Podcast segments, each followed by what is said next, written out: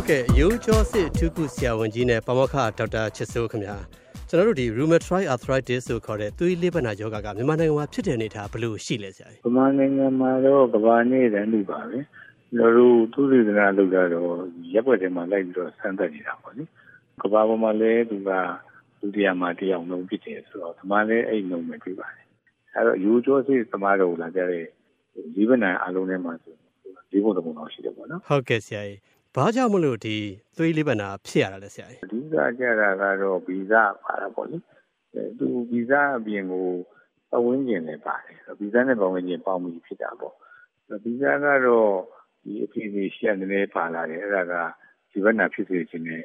ဒီလိုလေးရှိတာပေါ့အဲ့မှာပဝန်းကျင်ကဆွေးလေးတောက်တယ်လို့နောက်ပြီးတော့မှနေပူတဲ့ရှိတယ်လို့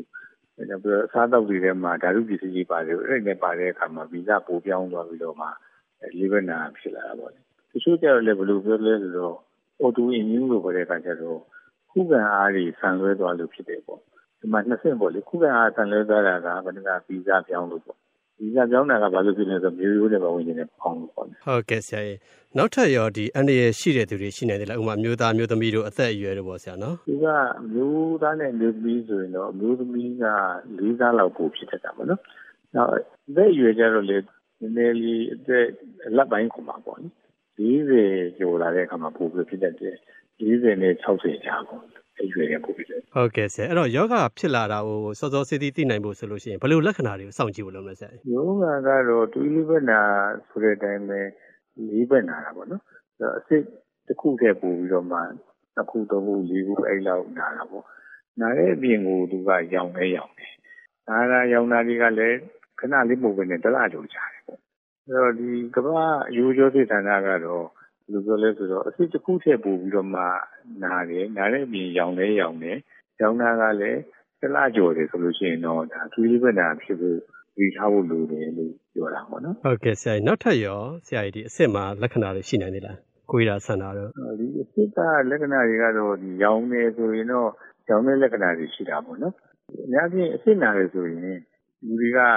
နာကနာတယ်နှိပ်ပြီးလို့ရှိရင်သက်သာတယ်လို့ဖြစ်ကြတယ်အဲ့ဒါကအနာနာပဲပေါ့အစစ်ရောင်တယ်ဆိုရင်တော့သူကအစစ်ကနာတဲ့အပြင်ကိုအထိမခံနိုင်ဘူးသူနှိပ်လိုက်လို့ရှိရင်ပူနာတယ်ပေါ့နော်ကင်ကြည့်လိုက်လို့ရှိရင်တော့သူကနည်းနည်းဖောင်းနေတယ်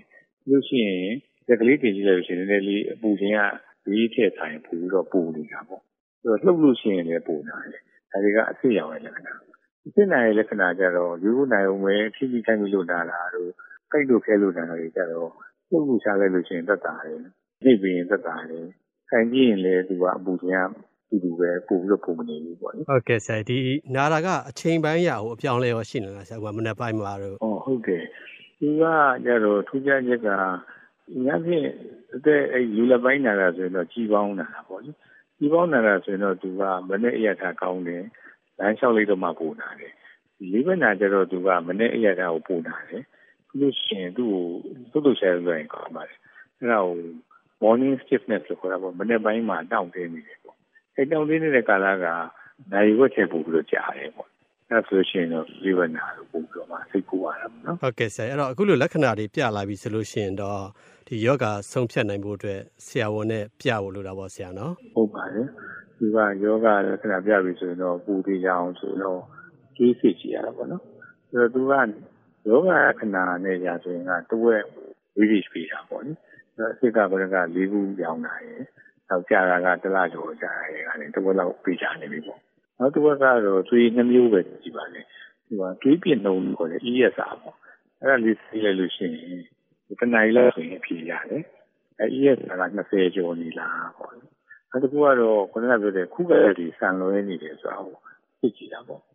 သိကြည့်တဲ့အခါကျတော့သွေးလေးပဲနာတယ်လို့ခေါ်တယ် rheumatic factor သွေးလေးပဲနာတဲ့ကနှမျိုးစစ်လို့ရတယ်ဒီမျိုးကကျတော့ rheumatoid factor ကတော့ရှိရစင်လာသိလို့ရှိတာပေါ့အခုဒီဘက်နေ့ဒီမှာကျတော့နောက်အစ်တစ်မျိုးပေါ်လာတယ်အဲ့ဒါကတော့ anti CCP ECMA လို့လည်းခေါ်တယ်ပေါ့နော် CCP ပေါ့အတူခေါ်တယ်အဲ့ဒါကတော့ပူပြီးတော့မှန်တာပေါ့အဲသူသိကြည့်လိုက်လို့သူလည်း20ကျော်တက်နေတယ်ဆိုလို့ရှိရင်တော့ သူလေးပဲနာပြေးကြသွားတာပေါ့နော်ဟုတ်ကဲ့ဆရာဒီယောဂဆုံးဖြတ်တာမှားရွံ့နေတဲ့အနေထားတွေရောသတိပြုဖို့ရှိလားဆရာယောဂဆုံးဖြတ်တာမှားတာကတော့ပထမဆုံးကတော့ခုနကပြောတဲ့နာရာနဲ့ရောင်တာကိုမကိုဲကြတာပေါ့နော်လူတွေကနည်းနည်းပါးပါးဒူးနာတယ်လက်နာတယ်ကြိုက်တယ်ခဲတယ်ဘူးလေးဘက်ကြိုက်တယ်ဆိုရင်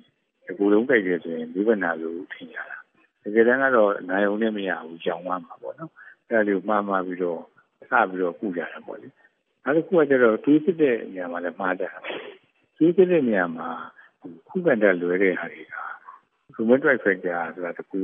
နောက် CCP ဆိုတာတကူကတော့တွေးလေးဘက်နာနဲ့ဆိုင်တာပေါ့နောက်တွေးထဲမှာအဆင့်နာဆိုရောစစ်တဲ့ကြတာ ASO လို့ခေါ်တယ်ပိုးလေးဘက်နာတက်တယ်သူရှိတယ်နောက်က ANF ဆိုပြီးတော့